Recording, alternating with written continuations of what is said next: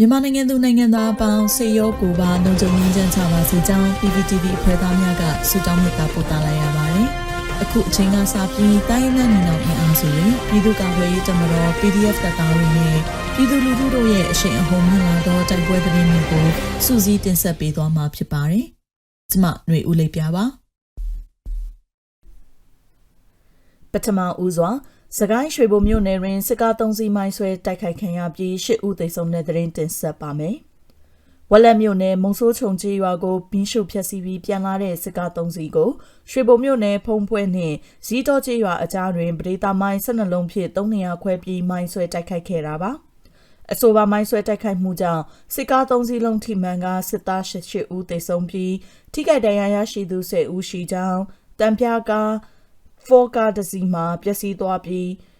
ကျိုးဖြင့်ဒီရွတ်တိုက်ရွှေဘိုးတို့ပြန်လည်ယူဆောင်သွားကြောင်းသိရှိရပါတယ်။ဆက်လက်ပြီးမုံရွာမန္တလေးလမ်းပိုင်းတွင်စစ်ကားသုံးစီးမိုင်းဆွဲတိုက်ခိုက်ခံရတဲ့တဲ့ရင်တင်ဆက်မှာပါ။စကိုင်းတိုင်းမုံရွာမန္တလေးလမ်းပိုင်းတွင်စစ်ကားသုံးစီးမိုင်းဆွဲတိုက်ခိုက်ခံရပြီးထိခိုက်ဒေဆုံးမှုရှိကြောင်းသိရှိရပါတယ်။ အောက်တိုဘာလ24ရက်နေ့ညနေ9:20မိနစ်တွင်0ပျောက်ကြားတပ်ဖွဲ့မြင်းကျန်နှင့် G4G PDF တို့မှမြင်းမူမှစစ်ကြောင်းထိုးပြန်လာသည့်စစ်ကား3စီးကို မုံရွာမန္တလေးလမ်းမပိုင်းရှိ ရွာမနှင့်နက်ခရိုင်အကြားတွင်ပဒေသမိုင်းရှစ်လုံးဖြင့်ဖောက်ခွဲတိုက်ခိုက်ခဲ့ပြီးထိခိုက်ဒေဆုံးမှုရှိတော်လဲအရေးအတွက်အတိမပြုနိုင်သေးကြောင်း0ပျောက်ကြားတပ်ဖွဲ့ထံမှသိရှိရတာပါ။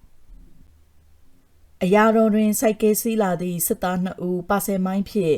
ထိုက်ကိုက်ခံရပြီးတဦးသေဆုံးတဲ့တွင်ဆက်လက်တင်ဆက်မှာပါစကိုင်းတိုင်းအရာတော်မြို့နယ်တွင်စိုက်ကဲစီးလာသည့်စစ်သား2ဦးပါဆယ်ဘုံဖြင့်တိုက်ခိုက်ခံရပြီးတဦးသေဆုံးကြောင်းသိရှိရပါသည်။ အောက်တိုဘာလ23ရက်နေ့နနက်9:40မိနစ်တွင်အရာတော်မြေချေရတော်အနီးစိုက်ကယ်စီးလာသည့်စစ်သား2ဦးကိုဒေသခံကာကွယ်ရေးတပ်ဖွဲ့များကပါဆယ်ဘုံဖြင့်တိုက်ခိုက်ခဲ့ပြီးစစ်သား2ဦးသေဆုံးက2ဦးအပြင်းထန်ဒဏ်ရာရရှိခဲ့ကြောင်းသိရှိရတာပါ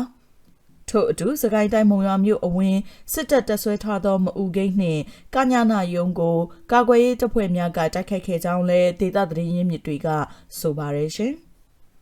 နောက်ဆုံးအနေနဲ့ဒဇယ်ရင်စစ်တပ်စစ်ကြောင်းမိုင်းဆွဲတိုက်ခိုက်ခံရပြီး၃ဦးသေဆုံးတဲ့တဲ့ရင်တင်ဆက်မှာပါစကိုင်းတိုင်းဒဇယ်မြို့နယ်တွင်စစ်တပ်စစ်ကြောင်းမိုင်းဆွဲတိုက်ခိုက်ခံရပြီးစစ်သား၃ဦးသေဆုံးကြောင်းသိရှိရပါတယ် အောက်တိုဘာလ24ရက်နေ့နနက်10:00နာရီခန့်တွင်ဒဇယ်မြို့နယ်အတွင်းအင်အား200ခန့်ဖြင့်ရေရင်းရွာနှင့်စိန်နှန်းရွာအကြားမောင်နှမတောင်ချေတွင်စစ်ကြောင်းထိုးလာသည့်အကြမ်းဖက်စစ်တပ်မိုင်းဆွဲတိုက်ခိုက်ခံရပြီးစစ်သား3ဦးသေဆုံးခဲ့တာပါ။